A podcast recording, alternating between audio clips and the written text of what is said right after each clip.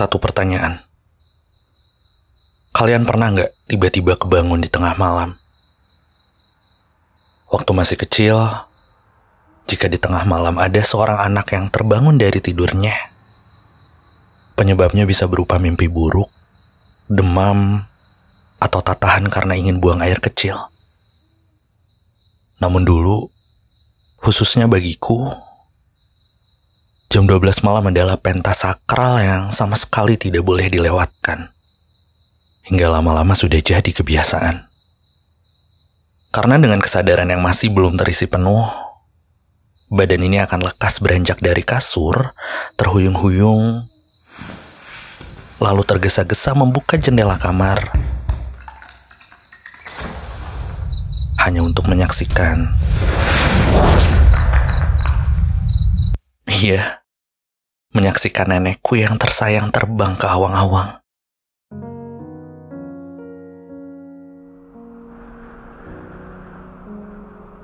Saking cepatnya, sampai-sampai aku tak sempat melambaikan tangan. Meski sudah lebih dulu lepas landas, aku masih bisa mendengar nyaring tawanya dari bawah sini. Ia pergi bersama daster merah tuanya. Kerudung hitam yang melindungi kepalanya. Juga sapu icuk yang menopang berat badannya. Seperti yang kita semua tahu, sapu kerap dikaitkan sebagai benda kotor bagi kaum menengah ke bawah. Namun bersamanya, sapu adalah kendaraan mewah yang sanggup membawanya melesat menembus langit. Di atas sana, nenek akan melayang statis di ketinggian 5000 kaki Siluet bayangannya terlihat jelas saat jalur lintasannya melewati paparan sinar bulan. Persis sekali seperti poster film layar lebar. Setiap hari, rutenya adalah dengan berkeliling mengitari denah-denah kecamatan. Ke pelosok-pelosok pemukiman, ke rumah-rumah yang ditinggali banyak anak kecil. Bola matanya mengintai, berpatroli Lantas sesekali ia akan menukik tajam bila mana ia menemukan jika ada lampu kamar yang masih menyala. Maka ia akan menghampirinya. Lalu dengan jentikan jarinya, seisi kamar yang tadinya terang berubah menjadi gelap. Nenekku sayang tak punya tongkat sihir. Yang menggantung di pergelangan tangannya hanyalah seutas tasbih yang akan dia gunakan sebagai bola-bola ajaib untuk mengirimkan doa kasih. Mulutnya merapal mantra bagi bocah-bocah yang sedang terlelap dalam mimpinya, agar tidak berjumpa dengan mimpi buruk, agar yang badung dibuat menjadi nurut, agar yang sedang sakit diserapahkan supaya lekas buru-buru sembuh. Selain itu, Nenek juga tak jarang turut serta melerai kucing-kucing yang bertengkar. Memberi makan para kelelawar. Membebaskan layangan-layangan yang tersangkut ke tanah. Apa saja. Selama itu bisa membuatnya bahagia. Begitu saja. Sepanjang malam ia habiskan dengan cuma-cuma karena betapa ikhlas ia melakukannya. Sesaat sebelum kokok ayam tiba, ia akan mendarat pulang. Seraya memergokiku yang sedang terkantuk-kantuk di pelipis jendela. Lalu ia akan menggendongku dan menutup jilid spektakulernya dengan usapan rindunya kepada seorang cucu. Nenekku adalah penyihir hingga akhir hayatnya. Ia bergerak pada benak-benak yang tak kasat mata, mengendap tak bersuara di sepanjang gulita. Hanya untuk merubah banyak usar menjadi gempita.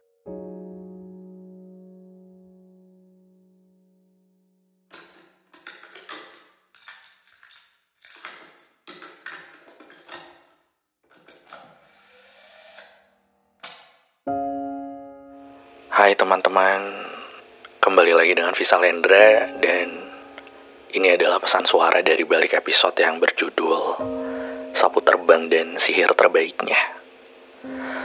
Sebelumnya juga aku mau ngucapin terima kasih buat teman-teman semua yang masih setia nungguin episode terbaru dari podcastnya Bandung Tanpa Kamu, yang masih mau play audio-audio lamanya di Spotify dari waktu ke waktu.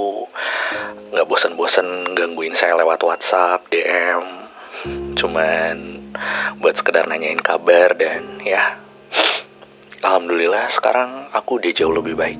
Terima kasih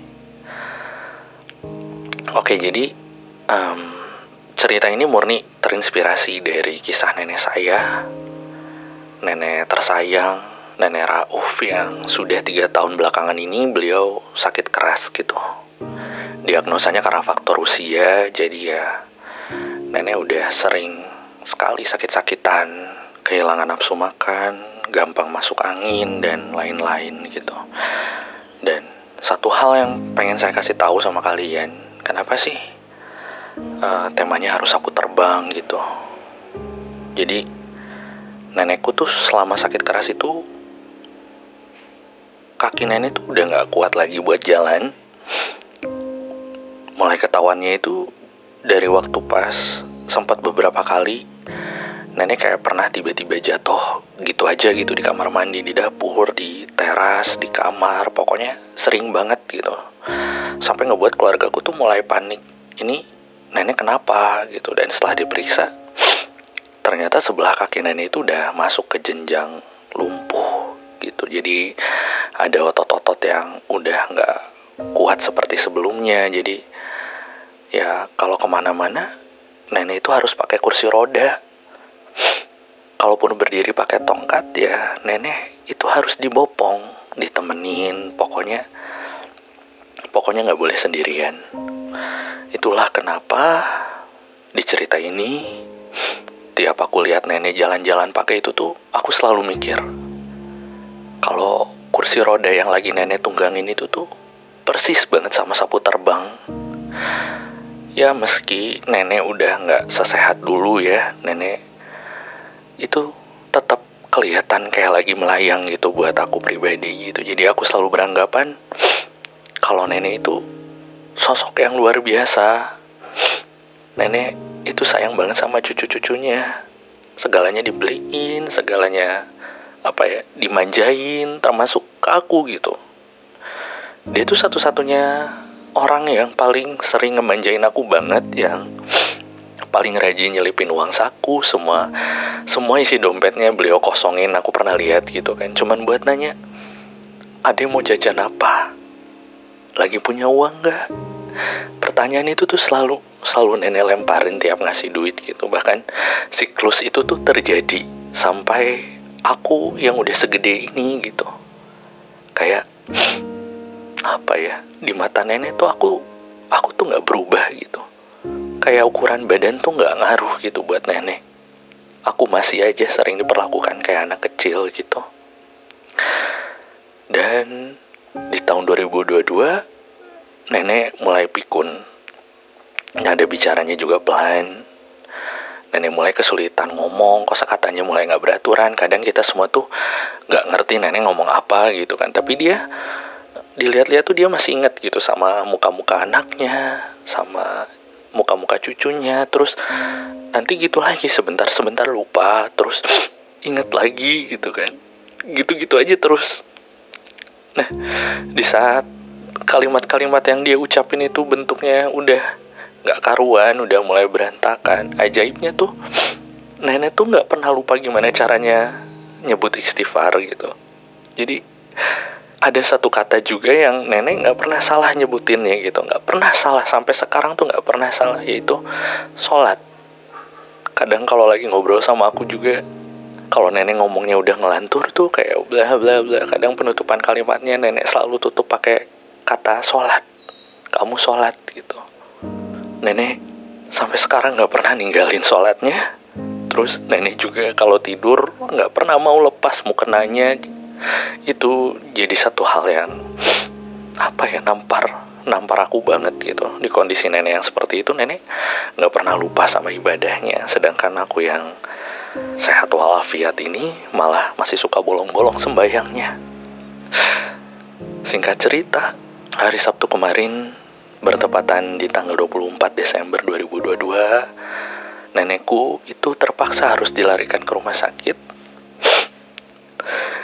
karena kesulitan bernafas diare dan demam tinggi gitu. Jadi sesampainya di sana di ruang ICU kondisi kondisi nenek nggak bagus ya kata dokter tuh nggak bagus. Kondisi nenek memburuk. Uh, nenek sempat pingsan, nenek uh, beberapa kali pingsan itu nenek sampai masuk ke tahap kritis. Jadi terhitung hingga hari ini nenek Rauf itu masih belum sadarkan diri gitu. Jadi untuk teman-teman saya minta doanya agar kita sekeluarga dikuatin, ditegarkan, apa pun yang terjadi nanti. Uh, insya Allah saya ikhlas. Terima kasih juga buat teman-teman yang kemarin sempat ikut mendoakan, ngasih semangat. Saya senang bacanya. Semoga kalian dan sekeluarga juga ada dalam perlindungan Tuhan ya. Semoga diberi kesehatan panjang diberkahi dan dijaga sebaik-baiknya. Segitu aja. Semoga suka dengan episodenya. Saya pamit undur diri dan sampai ketemu di episode selanjutnya. Bye bye.